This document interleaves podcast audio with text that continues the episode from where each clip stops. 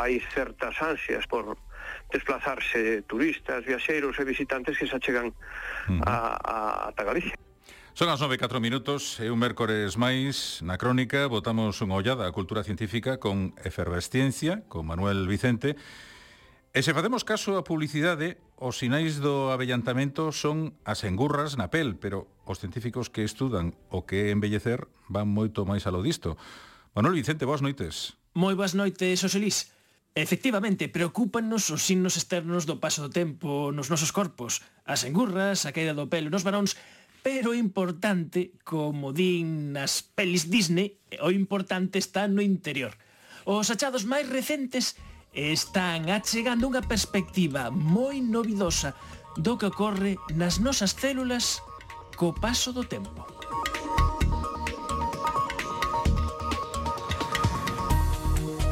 Moi boas noites, un saúdo de César Goldi e de Manuel Vicente. Somos o equipo de Efervesciencia.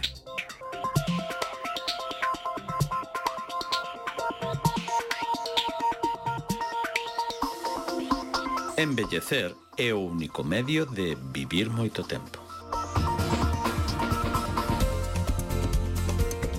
Esta frase é de Charles Saint-Beuve. Parece unha verdade evidente, un truismo, un perogrullo en estado puro. Embellecer é o único xeito de vivir moito tempo. Ou non. Que hai desas informacións que falan de multimillonarios que invisten en megaproxectos futuristas contra o embellecemento? Queren Jeff Bezos, Yuri Milner e compañía tentar a nosa natureza e vivir sempre novos, facer un pacto co demo para non embelleceren mercar un cadro de Dorian Gray? Hai moitos cartos investidos en investigar o envellecemento, privados pero tamén públicos. En España non temos unha institución especializada no estudo do envellecemento, pero si as hai noutros países. Citemos, por exemplo, que entre as axencias públicas de investigación estadounidenses atópase tamén o National Institute of Aging. O envellecemento é un feito biolóxico máis. Non é unha doenza per se, pero adoita ser un factor de risco en moitas enfermidades. Logo, non é ningún luxo, ningunha extravagancia de multillonarios pescudar na bioloxía do envellecemento Os resultados permitiránnos máis que vivir máis, se cadra, vivir mellor. Benvidos á efervesciencia, hai outros mundos, pero están neste. Efervesciencia. Doses de ciencias en contraindicacións. Patrocinado pola FECIT, Fundación Española para a Ciencia e a Tecnoloxía, Ministerio de Ciencia e Innovación, unha colaboración da Universidade de Santiago e a Radio Galega co apoio da Axencia Galega de Innovación da Xunta de Galicia. A semana pasada escoitábamos en Efervesciencia o relato gañador da décima edición dos premios de relatos científicos Inspiraciencia na categoría de adultos que convoca a delegación do CSIC en Cataluña en colaboración coa FECIT, a Fundación Española para a Ciencia e a Tecnoloxía. En galego tamén existe unha segunda categoría que é o relato a escritores mozos. E o gañador desta volta é Diego Parada Burés. Diego, moi boas noites. Boas noites. Diego, aténdenos desde a Coruña, porque ti estás a estudar eh, primeiro de bacharelato no Liceo La Paz. No, segundo de bacharelato. Segundo de bacharelato, estou segundo. desactualizado. Ben, pois sí. segundo bacharelato, es bacharelato de ciencias, letras ou por onde andas? de Letras de Humanidades, que se chama. De Humanidades. O premio foi entregado eh, nun acto en Zaragoza. Que tal foi ese evento? Pois moi emocionante, a verdade, porque había moitísimas autoridades e iso demostrou tamén o interese crecente do hábito institucional eh, na literatura e na ciencia como vehículos de transformación social. Por tanto, pasei no moi ben e creo que se demostrou a necesidade da innovación tamén na mocidade. E como parte do premio, eh, a pequena contribución a chega que temos desde Efervesciencia é convertir en voz o que vos pensastes eh, de xeito escrito.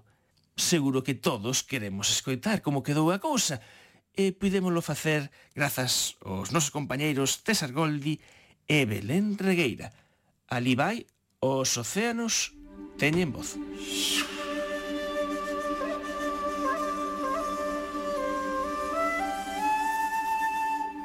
Aquel día había unha calor abafadiza. Ultreia apenas podía traballar.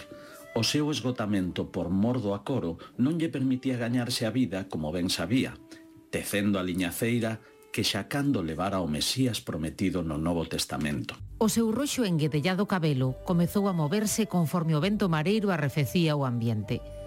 A súa faciana pasou entón do máis inmenso acougo o máis azorado sinal de inquedanza. Percatouse de que xa non podía seguir queda como a súa irmá do pórtico das praterías, senón que debía bulir para loitar contra os inimigos da vida e da nai terra. Entón, sobe o alto da sombriza e toca unhas engaiolantes melodías desprendidas do ancestral e bélico corno.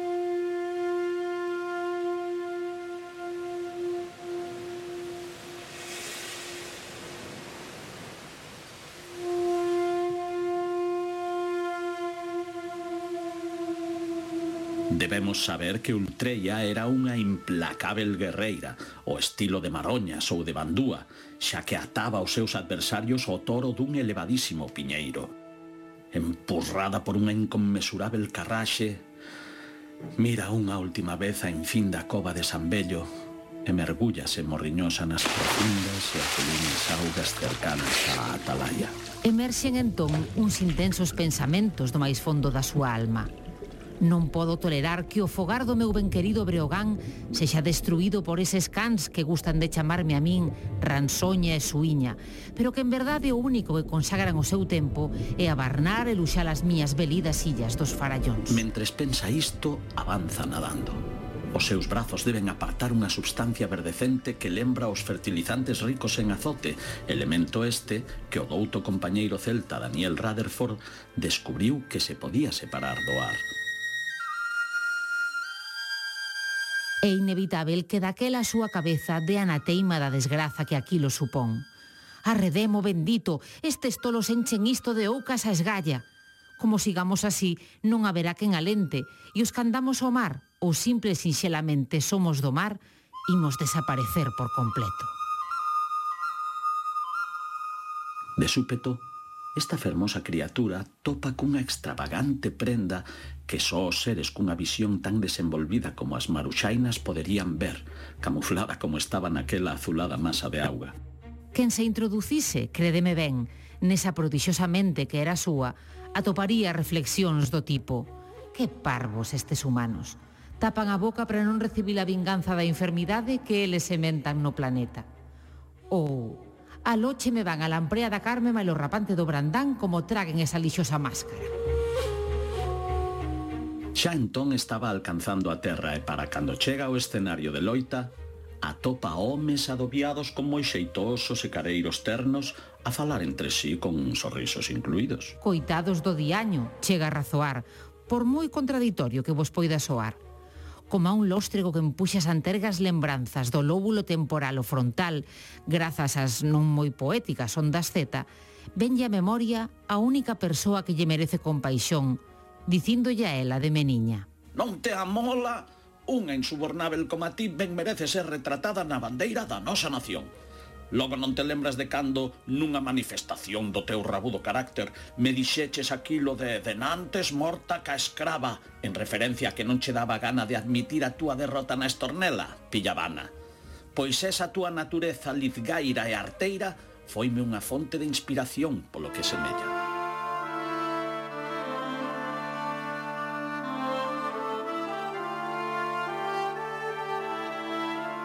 Xa que logo, e unha vez que ficou convencida do seu obxectivo supremo, decide empezar o seu conxuro. Empeza botando un mal de ollo ao testán que nega o problema da destrucción do seu hábitat. Logo, enfeitiza o cobarde que non se enfrontou ao Toleirán anterior. Unha vez rematado isto, empeza a cantar. Abandonaste la crenza da auga como entrada ao máis aló. Destruíste los castros e deste las costas ao mar esqueceste la vosa orixe matriarcal.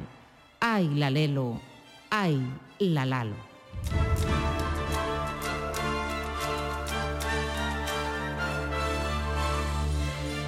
Cada nova verba adormece os presentes. O curioso como inherente á maruxaina emite un rouco son. O día acábase. Os seres humanos morren. O derradeiro raio de luz do teno e luscofusco ilumina unha pedra da capela do patrocinio de Rianxiño. Nela hai unha serea que chora pola destrucción da humanidade pero que coas súas vaguas limpa o mar dos ciscallos producidos polas persoas. Os mesillóns de onda cervo respiran calmados. Agora non se envelenarán cada vez que filtren auga. Navia, deusa acuática castrexa sentencia. Exactamente, Castelao, denantes mortos que escravos, escravos do inmobilismo.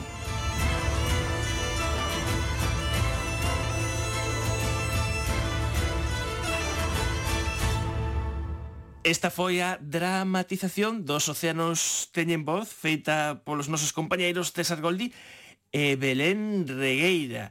Eh, non sei se un se sinte así un pouco eh, raro escoitar en voz o que un plasmou con, sub, non sei se con lápiz e papel ou con teclado e pantalla. Sí, eu fixeno con ordenador. E sí, a verdade é un pouco extraño, pero gustoume moito, a verdade. Pareceme moi original e que acertaron moito na dramatización. Eh, moitas grazas. E eu quería comentarte así un poquiño sobre sobre a túa obra que a verdade mm. que é bastante densa, quere dicir, densa, sí. extensa, aproveitaches aí o límite ás palabras e xogas cun, cunha chea de elementos, porque xoga, xogas con, con que o espectador, bueno, o lector saiba un poquinho que, que está vendo e metes aí unha conciencia ambiental, pero metes, eh, metes tamén o tema da actualidade, sai o COVID, pero sen nomealo, eh, digamos que tes, tes aí moitos elementos todo, todos aí xuntos. Sí, a verdade é que cando fixen tiña un arrebato creativo e decidín verter a través da escritura todas as miñas preocupacións nese momento que tiñan que ver coa emerxencia climática que tanto nos afecta, tamén evidentemente coa COVID-19, unha pandemia que estamos a sufrir eh, que é de actualidade. E despois tamén estaba a descubrir a mitoloxía galega, entón tamén quixen pois, unir todo iso e darlle unha visión máis científica. Parabéns por este premio, moitísimas grazas por nos atender, unha aperta moi grande. Igualmente, moitas grazas a vos. Efervesciencia,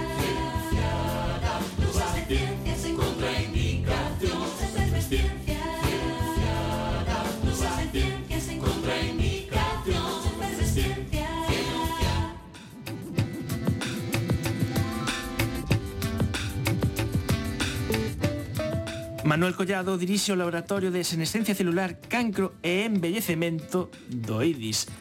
Manuel, moi boas noites. Boas noites. O que fixo que chamásemos a Manuel Collado é que recentemente tivo lugar en Santiago de Compostela a reunión anual da Rede Nacional de Senescencia Celular. Unha reunión entre os diferentes especialistas deste eido de investigación en España que tivo eh, por primeira vez a súa reunión física despois deste tempo de pandemia e que vos tocou organizar, ser os anfitrións.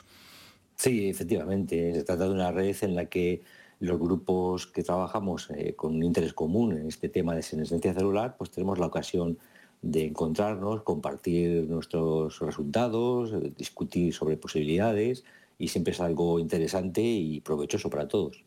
E imos dar contexto a isto que a senescencia celular que os ointes máis hardcore de efervesciencia seguro e que recordan as diferentes intervencións que tivo Manuel Collado no noso programa, pero por facer unha lembranza en un contexto rápido, as nosas células teñen unha capacidade limitada de, de se dividir, e esa capacidade está limitada por unha serie de procesos, un deles é que a morte celular programada, que as células morren, pero outro caso é que as células queden, como diría a boa de Einstein, eh, que hoxe non aquí, que, que é festivo, que queden en estado zombie, en estado senescente. Ese é precisamente o estado que a vos vos interesa. Sí, efectivamente, como muy bien dices, las células tienen una capacidad limitada para poder proliferar no lo hacen de manera indefinida, salvo las células del cáncer.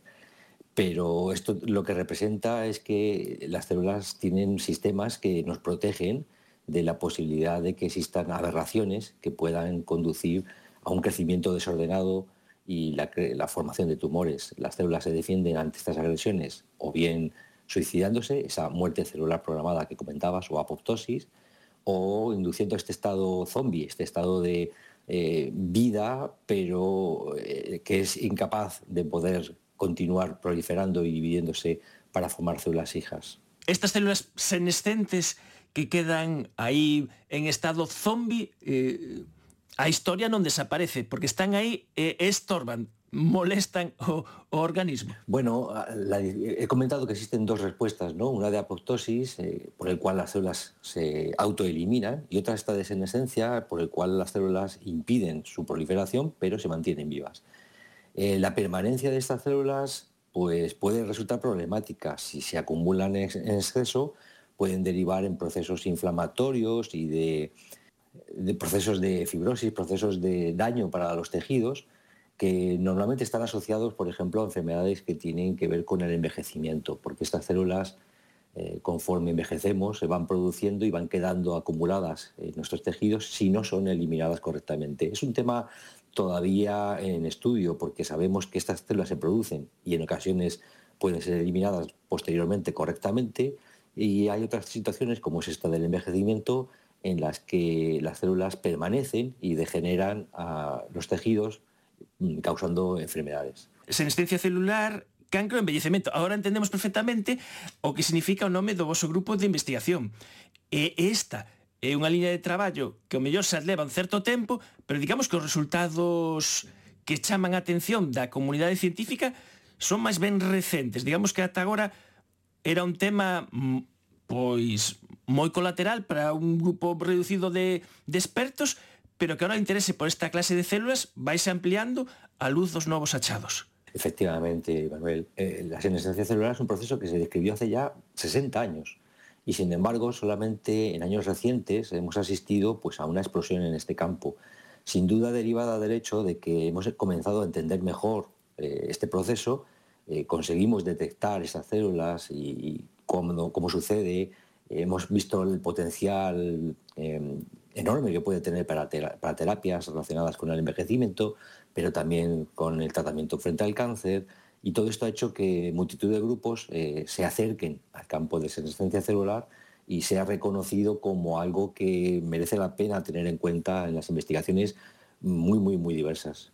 E de aí o éxito que tivo esta reunión da Rede Nacional de Senescencia Celular que tivo lugar en Santiago de Compostela, en San Francisco, encontro no que nós tamén levamos os nosos micrófonos e descubrimos que, como estás dicindo, e nos atopamos con especialistas de áreas de traballo moi moi diferentes que acaban conversendo nesta investigación da senescencia e que viñan de ámbitos nos que nun principio nunca pensarían as veces que acabarían chegando a compartir, por exemplo, un congreso. Se che parece, podemos escoitar a primeira mesa de convidados que capturamos no voso encontro da, da rede nacional para escoitar a María Vaz, Joaquín Arribas e Ramón Martínez. Imos ao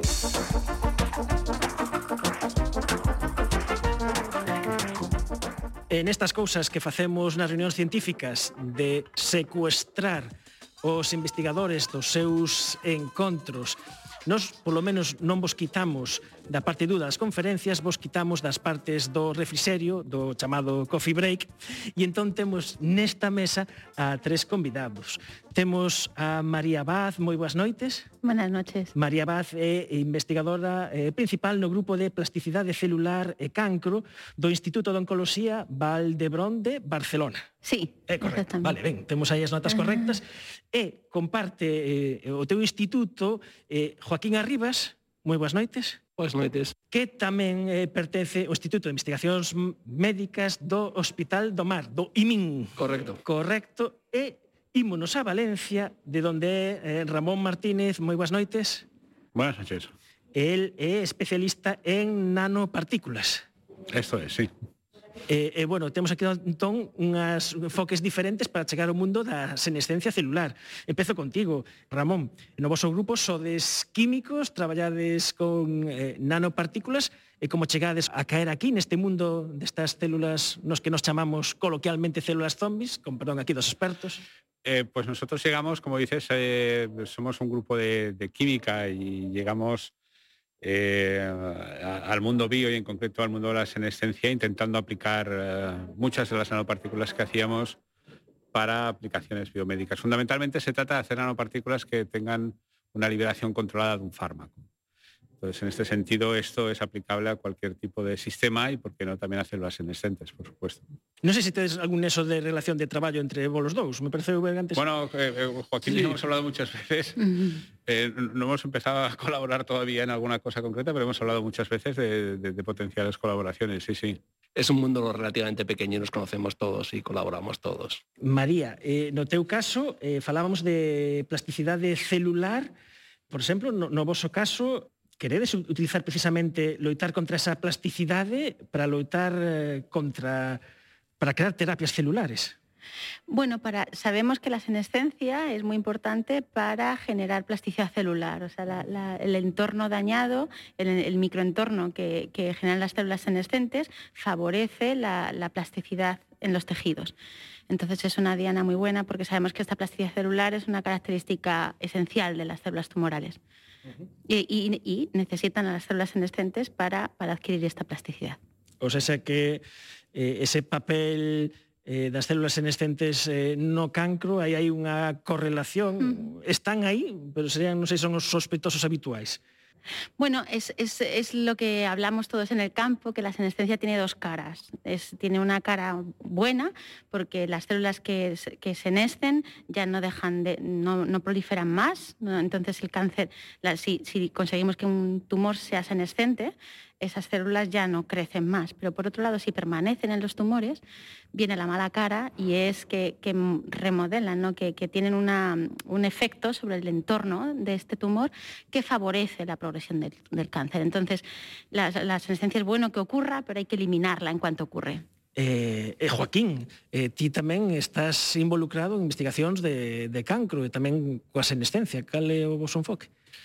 Pues mm, como ha dicho María, nosotros llegamos a la senescencia porque es imposible estudiar tumores sin encontrarte la senescencia en algún momento. Y como muy bien ha dicho María, la senescencia en tumores cuando los estadios son muy tempranos es probablemente muy buena señal, porque quiere decir que las células van a dejar de crecer y de por tanto generar el tumor.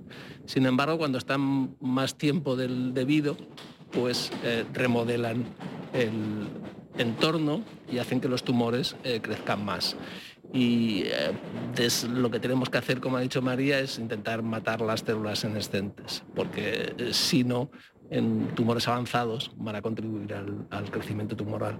Y hace poco, relativamente, que se ha descubierto que muchas de las terapias tumorales que usamos inducen senescencia. Entonces producen unas respuestas medibles, pero cortas en el tiempo porque las células permanecen allí y lo que hacen a largo plazo es promover la, el crecimiento tumoral. O sea que esto sería o de ese, o refrán de pan para, para hoy, hambre para mañana. Muchas quimioterapias tradicionales son exactamente eso.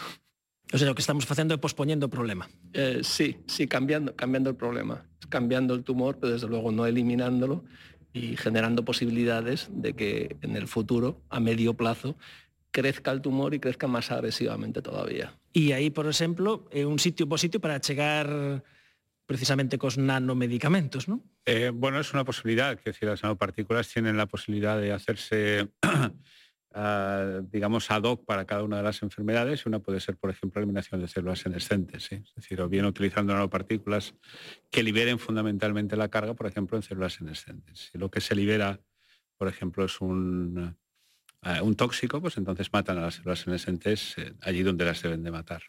¿Y, y, cómo, y cómo estamos eso, en esa nesas capacidades terapéuticas que ahora vemos os mecanismos, pero de pasar de eh, empezar a entender os mecanismos a ter solucións reais hai un paso moi grande. En que, en que momento estamos? Bueno, actualmente ya empieza a haber ensayos clínicos en Estados Unidos dedicados, de hecho, a matar estas células senescentes. No en, no en el terreno del cáncer, pero sí, sí en, otros contextos. Entonces, bueno, estamos cada vez más cerca. Ya se están ensayando compuestos mm, que las eliminan y, bueno, a ver cómo, cómo son estos resultados, estos primeros resultados clínicos, y que no estamos tan lejos, yo creo. Iba a añadir que lo más, lo más positivo de estas terapias que matan las células senescentes es que todo lo que indica, todo lo que tenemos ahora indica que no solo van a contribuir a hacer las terapias en tumorales más eh, efectivas, sino que en general ayudan a un envejecimiento más sano. Todos los datos que tenemos en ratones todavía es que si eliminamos las células senescentes, los ratones viven más, pero más importante, viven mejor. De modo que sería una terapia antitumoral completamente distinta a las que tenemos ahora, que tienen efectos secundarios muy malos, como tienen todas las quimioterapias. Sería una terapia con unos efectos secundarios al menos teóricos moi buenos. O sea, que pasaría a que unha quimioterapia que te quitase anos de vida, por así falar coloquialmente, de, bueno, pasaches por un, un episodio traumático, de agresivo contra o teu corpo, a xusto contrario, é dicir, que unha oportunidade eh, que un efecto secundario terapéutico sería ese resubenecemento. Uh -huh. Claro, porque estamos falando neste caso de, de, de terapias, pero bueno, tamén podríamos falar de terapias contra enfermedades. Pero claro, aplicando este mismo razonamento, mm, eh, se hai xente que pensa en aplicarlo isto sen ter ningunha enfermedade per se.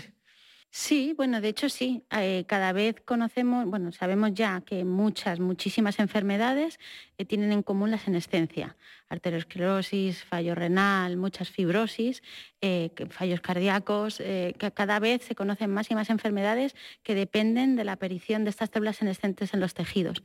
Entonces, sí, sí, bueno, podemos hablar de terapias holísticas ¿no? que traten de, eliminar las células senescentes del organismo en general. Y eso, como decía Joaquín, pues creemos que puede tener un efecto beneficioso sobre bueno, un healthy aging, se llama, un envejecimiento eh, saludable, pero ir en concreto a aquellas en una enfermedad en concreta, en un órgano en concreto, a, ir a por ellas porque están causando una enfermedad concreta. Uh aquí unas notas de que ti, María, eh, te has trabajado en un campo que se llama también de microproteínas. sí. Contame, o contanos.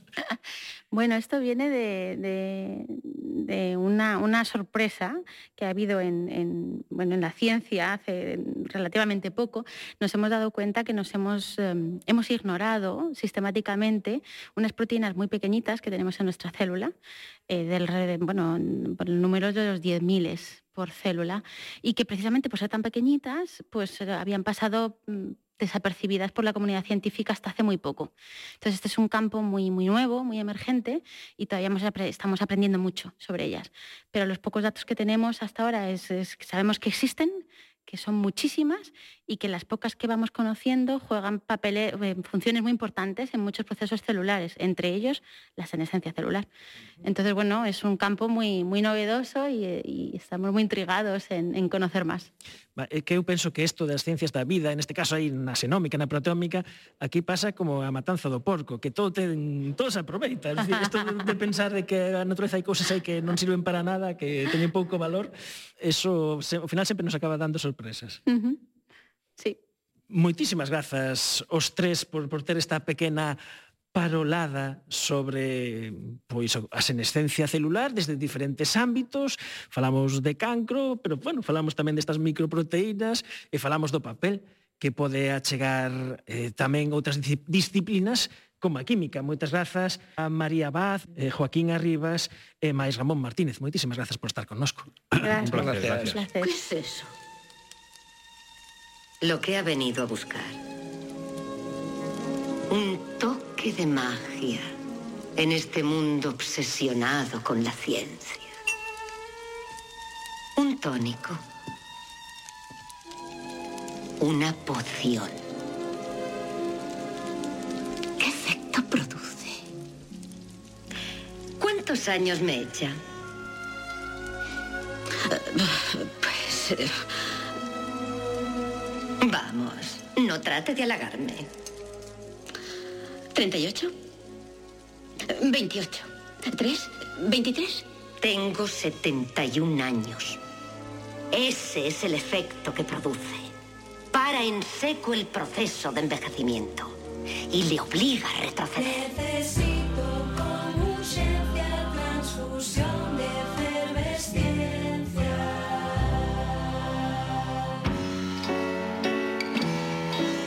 E seguimos a comentar o que aconteceu no Congreso da Rede Nacional de Senescencia Celular.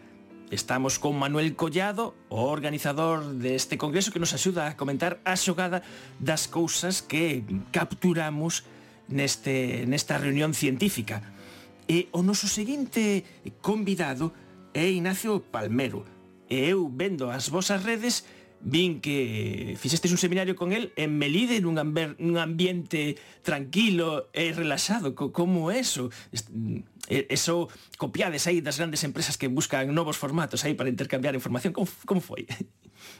Pois pues mira Manuel, la verdad es que eh, una de las oportunidades excelentes para la discusión y el compartir ideas es tener este tipo de reuniones que nos permiten a los científicos pues compartir un momento calmado eh, en el que entrar pues eh, eso con cierta profundidad a discutir sobre nuestro trabajo, a encontrar nuevas vías de colaboración o nuevas ideas.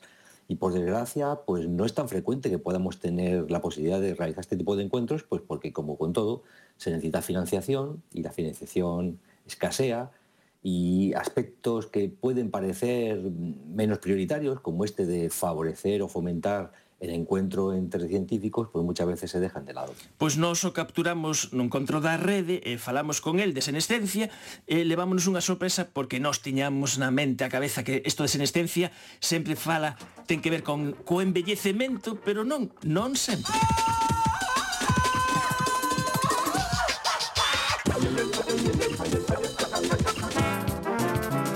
E seguimos eh, neste encontro da Rede Española de Senescencia Celular. Ignacio Palmero, moi boas noites. Buenas noches. Ti traballas no Instituto de Investigacións Biomédicas eh, do CSIC en Madrid. Estás en Santiago onde tes parte da túa familia. Sí, sí, sí, sí. Tengo conexiones moi estrechas con Santiago e con Galicia en general, sí. E cando falamos de senescencia celular, que sí. xa explicamos un poquinho que era, sí. claro, pensamos nestas células eh, zombis eh, pensamos eh, no proceso de embellecemento. Sí. Pero vos vos enfocades precisamente no proceso embrionario. Aí tamén hai células Sí, sí, sí, sí las hay. O sea, eso es una de las cosas que hemos aprendido en los últimos años de senescencia es las situaciones tan diferentes donde es importante. Y una, como tú bien has dicho, es durante el desarrollo embrionario. Ahí lo que sabemos es que senescencia actúa de una manera programada en momentos muy concretos de desarrollo y en estructuras muy específicas del desarrollo y ayuda a la organogénesis, a la formación de estructuras muy especializadas.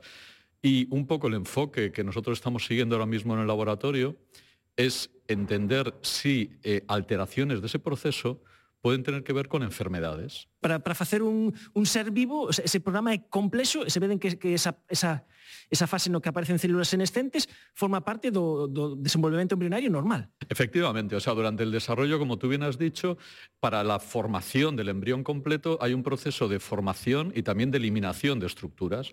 Entonces, lo que se conoce es que senescencia juega un papel precisamente en... Hay una serie de estructuras que son transitorias durante el desarrollo y senescencia juega un papel precisamente en la eliminación de esas, de esas estructuras. Y como te decía antes, como todo en desarrollo embrionario, esto es un proceso muy regulado, muy específico. Entonces, eh, hasta ahora posiblemente haya otras estructuras, pero conocemos que senescencia participa en estructuras muy específicas, en órganos muy específicos, durante momentos muy concretos del desarrollo. Y lo que se piensa que su función ahí, en general, es un poco participar en la eliminación de esas estructuras transitorias que son necesarios para que el embrión se forme de una forma correcta. Na, eh, pensemos unha obra que hai que poñer andamios, andamase, que eso é unha estructura provisional que logo quítase. Pois, non... Efectivamente, efectivamente. O sea, y hay, y hay, como tú bien has dicho, hay, a lo mejor hay cosas provisionales. Hace una, una estructura que luego hay que eliminar para tenerla, por ejemplo, en el caso del el riñón. Es un sistema donde se conoce muy bien la participación de senescencia.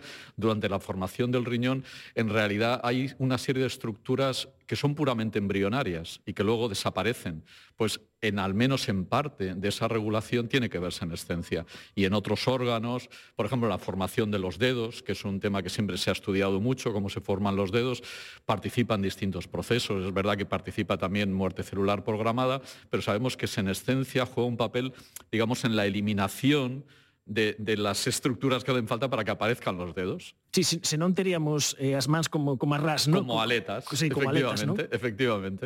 Sí, sí, sí. A, a historia de, precisamente da medicina, da medicina a embrioloxía eh, sempre tivo un papel moi importante, incluso a veces se quitaron os, nos inicios eh, estes os pioneiros estudiaban os embrións e, e quitaba incluso conclusións que, mellor que non eran así moi, estou pensando este, que, que, que, que estudiaba as estructuras e decía, bueno, pues os seres evolucionan así como parecen nos, nos embrións, ¿no? Sí, es lo de la filogenia, la Sí. autogenia reproduce la filogenia. Sí. sí, sí, a ver, eh, en cierto sentido sí, es verdad, o sea, el estudio, la embriología es una quizás de las ramas más antiguas de la biología. Entonces, uno de los aspectos, volviendo un poco a la senescencia, que yo creo que es muy interesante, es como senescencia es un tema que inicialmente se estudió en sistemas quizás muy artificiales, en el laboratorio, en células en cultivo, pero en los últimos años lo que estamos viendo es cómo todos esos hallazgos en realidad son muy relevantes en situaciones eh, muy fisiológicas, eh, pues ya te digo, en, en enfermedades, en- en- durante el desarrollo embrionario, otros grupos también están estudiando el proceso de regeneración, que también desde el punto de vista biológico es muy interesante, cómo hay organismos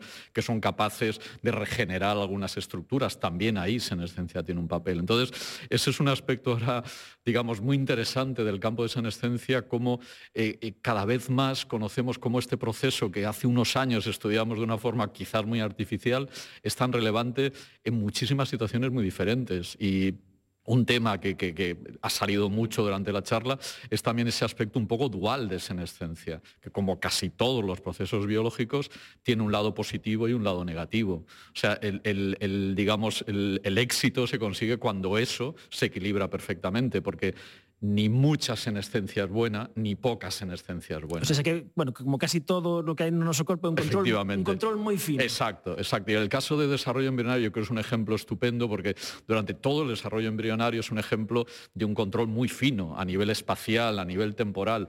Y lo que estamos viendo ahora es que senescencia, digamos, es, es una pieza más de ese engranaje tan importante para el desarrollo embrionario. Igual que se sabe que, por ejemplo, muerte celular programada desde hace tiempo se sabe que participa, pues digamos la aportación que ha hecho un poco el campo de senescencia en los últimos años es incorporar también a esta respuesta a todo este proceso tan complejo de organogénesis para la formación de un embrión. E unha última así cuestión, Sí. e isto no laboratorio con que obedes con modelos animais? Sí, nosotros lo- precisamente estudiamos un modelo animal que es un modelo, una patología humana. Eso también es un poco el interés que pensamos que tiene nuestro estudio. Es un modelo animal donde está afectada una proteína que nosotros en otros modelos habíamos visto que está relacionada con senescencia, pero que reproduce un síndrome de desarrollo humano que se llama el síndrome BOR, donde, digamos, esas mismas proteínas o esa vía funcional también está alterada. Entonces, lo que pensamos es que los hallazgos que estamos sacando, estudiando el modelo animal, pues de alguna forma nos pueden ayudar a entender un poco cuáles pueden ser las bases de la patología humana. Pois Ignacio Palmero, moitísimas grazas por atender un anaquiño eh, nesta, nesta xornada de senescencia celular os micrófonos da Radio Galega. Moitas gracias. Los dioses se portaron bien con usted, señor Gray. ¿Por qué dice eso? Porque posee usted la juventud más maravillosa y la juventud es lo único que vale la pena. No me parece así, Lord Henry. No, ahora no le parece así, pero algún día lo sentirá terriblemente. Lo que los dioses otorgan lo arrebatan con rapidez. El tiempo lo envidia, señor Grey. No despilfarre el oro de sus días. Viva. No pierda ninguna oportunidad que se le ofrezca. No tenga miedo a nada. Dentro de algún tiempo su juventud se habrá perdido y nunca podrá recuperarla. Cuando envejecemos, nuestra memoria es rondada por las dulces tentaciones que no tuvimos el valor de condescender. El mundo es suyo por una temporada.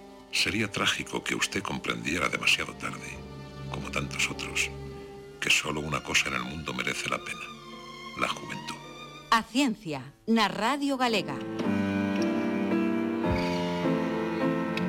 Manuel Collado, en todos os encontros sempre hai como unhas cabezas de cartéis, xente que, que tira moito, que, que chama atención, E no voso ámbito, quizáis, unha das figuras máis destacadas é Manuel Serrano, un investigador co que ti tes unha relación importante porque foi donde ves ti científicamente. Tuve la, el honor y el placer de trabajar durante 11 años en el laboratorio de Manuel Serrano y eso sin duda marca, claro. E nos teñamos tamén moitas ganas de falar con, con Manuel Serrano porque ademais de ser eh, un moi notable investigador neste eido da senescencia é moi eh, goloso para os medios de comunicación non só polos seus traballos actuais senón polos desenvolvementos futuros que vai ter aí non moito tempo colegas de outros medios de, de comunicación sacaron a nova de que Manuel Serrano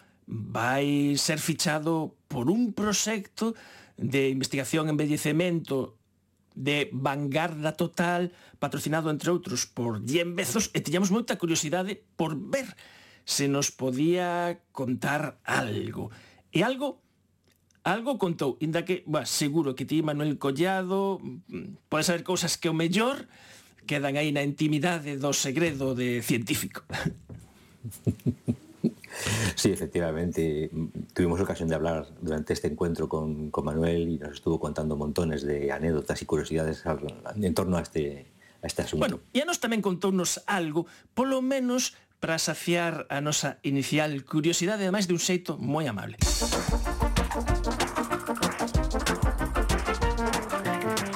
E en este encuentro desta red española de senescencia celular secuestramos ao final da xornada a Manuel Serrano. Manuel, moi boas noites. Boas noites, Manuel. E moitas grazas por achegarte os nosos micrófonos. Manuel Serrano, pois ele é investigador no Instituto de Investigacións Biomédicas de Barcelona e un dos nomes senlleiros neste campo da senescencia celular.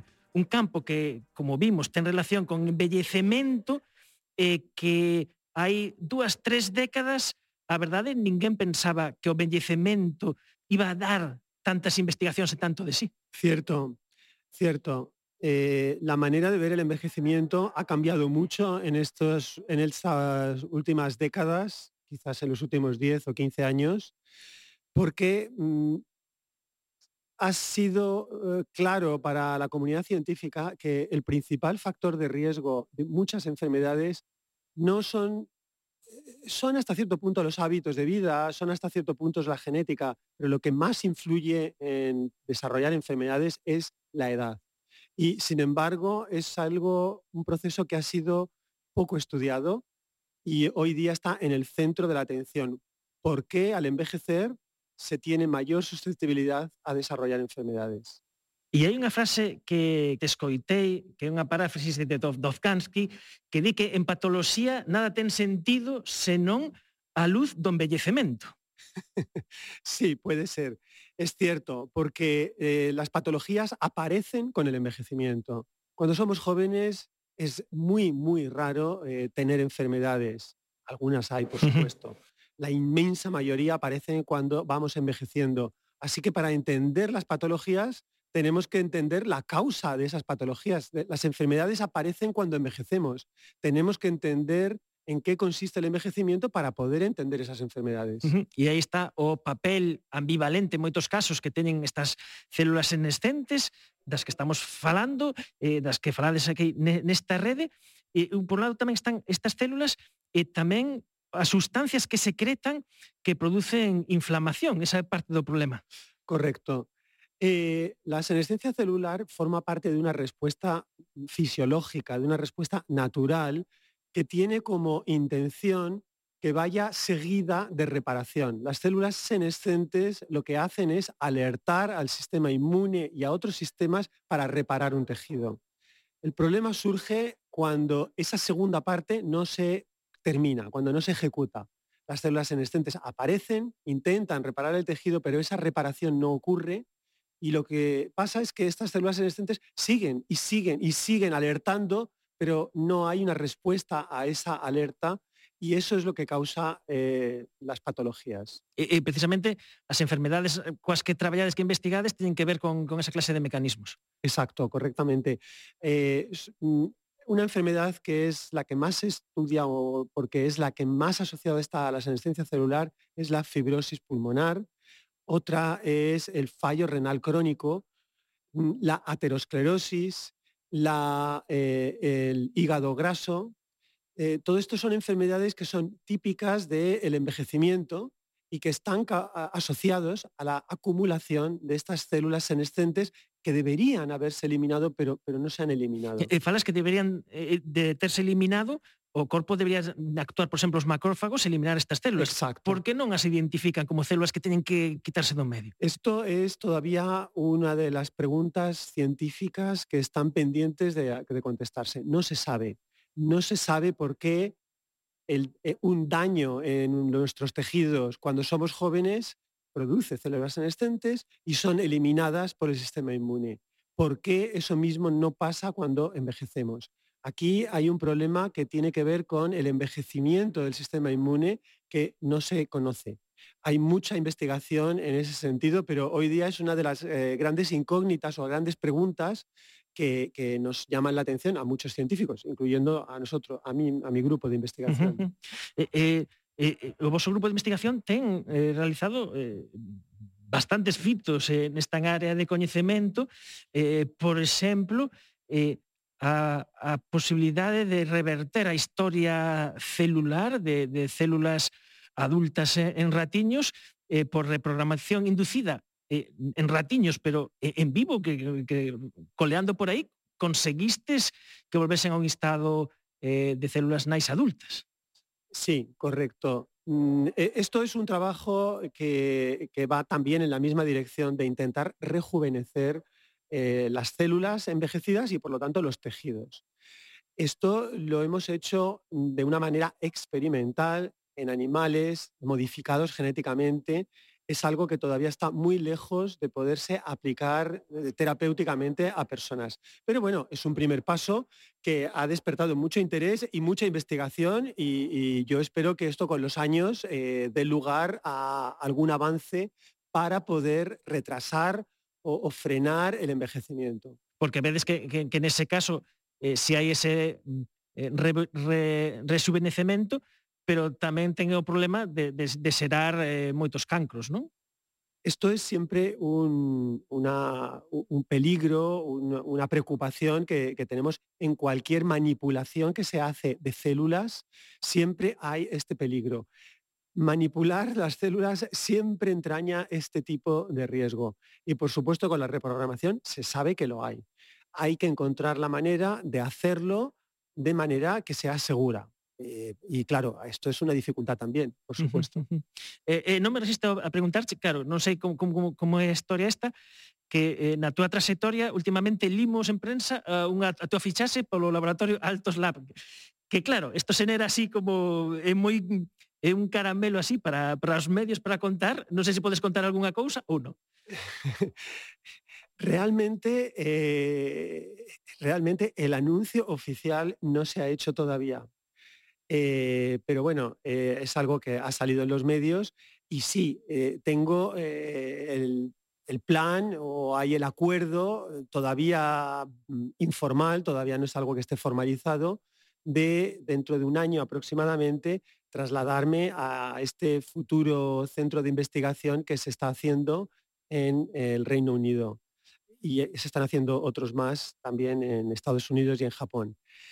Eh, bueno, en, este, en, estos centros de investigación eh, vamos a poder contar con una financiación extraordinaria con el objetivo de poder dedicarnos, eh, es una especie de lujo, de mecenazgo, el poder dedicarnos casi al 100% a la investigación y no tener que dedicarnos a, bueno, los que me estén escuchando que se dediquen a la ciencia saben todo el tiempo que se dedica a solicitar dinero, a hacer informes y todo esto.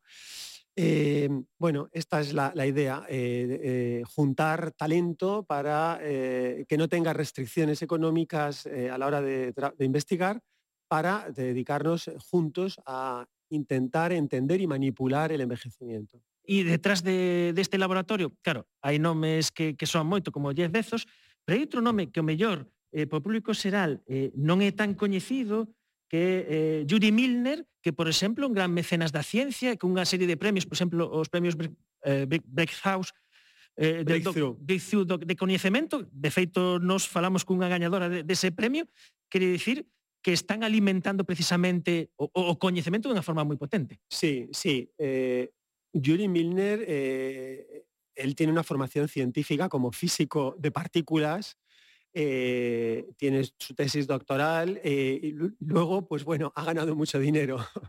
Pero es una persona que dedica parte de su, de su fortuna a fomentar la investigación en temas que él piensa que van a ser disruptivos. No sé si esta palabra es muy correcta o es un anglicismo, pero eh, temas que él piensa que, van a crear un cambio importante de paradigma e- en la humanidad.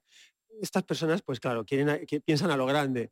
Él es un gran mecenas de la astronomía. Él financia muchos proyectos dedicados a detectar señales de eh, vida inteligente fuera de la Tierra. Que puede ser un objetivo que a lo mejor algunas personas lo miran con sorna o lo pueden ridiculizar, no pasa nada, pero gracias a ese objetivo se está financiando astronomía de nivel eh, número uno. Y eh, los astrónomos que trabajan en esto están encantados. ¿Que todavía no se ha encontrado? No, pero están encontrando muchas otras cosas en el camino. Eh, él también es el que está detrás de, en parte, de, esta, de estos laboratorios altos, con la idea de, de intentar no solo eh, tratar una enfermedad, el cáncer, el Alzheimer, el Parkinson, etcétera, sino decir, bueno, vamos a intentar ir a la base de todo esto, que es el envejecimiento, y lo mismo encontramos tratamientos nuevos en el futuro que sean disruptivos y que realmente alarguen el envejecimiento saludable, que es el objetivo que tiene todo esto es ganar años de salud. E- Es el único objetivo. Claro. Eh, eh, que, quizáis Eh, eh, o mellor é importante remarcar que unha clase de, de proxectos deste, deste estilo que podría parecer, eh, non, eu non o sei, visto desde fora, a, que, por exemplo, eh, cando, non sei, estos, estos grandes millonarios pues, se fabrican os seus cohetes para sair da órbita e baixar e para disfrutalo eles. Pero eu entendo que este coñecemento va a ser un coñecemento que va a estar ao alcance de todo o mundo. Por supuesto, esto se trata, eh, eh, sí, sin duda, esto es conocimiento para, para la humanidad. Eh, yo entiendo que a veces eh, se frivoliza y se le busca un lado, eh, bueno, pues frívolo. Pero yo no sé lo que tiene cada persona detrás en su cabeza. A mí lo que me importa es los resultados. Van a financiar a investigadores del máximo nivel, no me refiero a mí, me refiero a todos los demás que van a ir.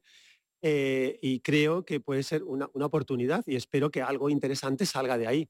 Y, y también espero que otros eh, eh, también se sientan eh, interesados en financiar este tipo de cosas. E o mellor, e xa rematamos, porque sabemos que tes pouco tempo, e eh, pode ser tamén unha chamada eh, un pouco para a administración para decir, o que decías es, hai, hai un par de minutos, non? De que unha parte importante dos vosos tempos e dos vosos esforzos pois pasan por unha cuestión de, de burocracia, de, de cuestións obviamente, moitas delas hai un control evidente, pero que en España é exagerado. Como se move eso? E o mellor, eh, pois as autoridades españolas eh, e, e autonómicas teñen que aprender incluso un pouco de Europa, incluso os proxectos europeos eh, teñen moitísima menos burocracia, unha vez que se dan, se conceden, hai unha confianza no que fan os investigadores.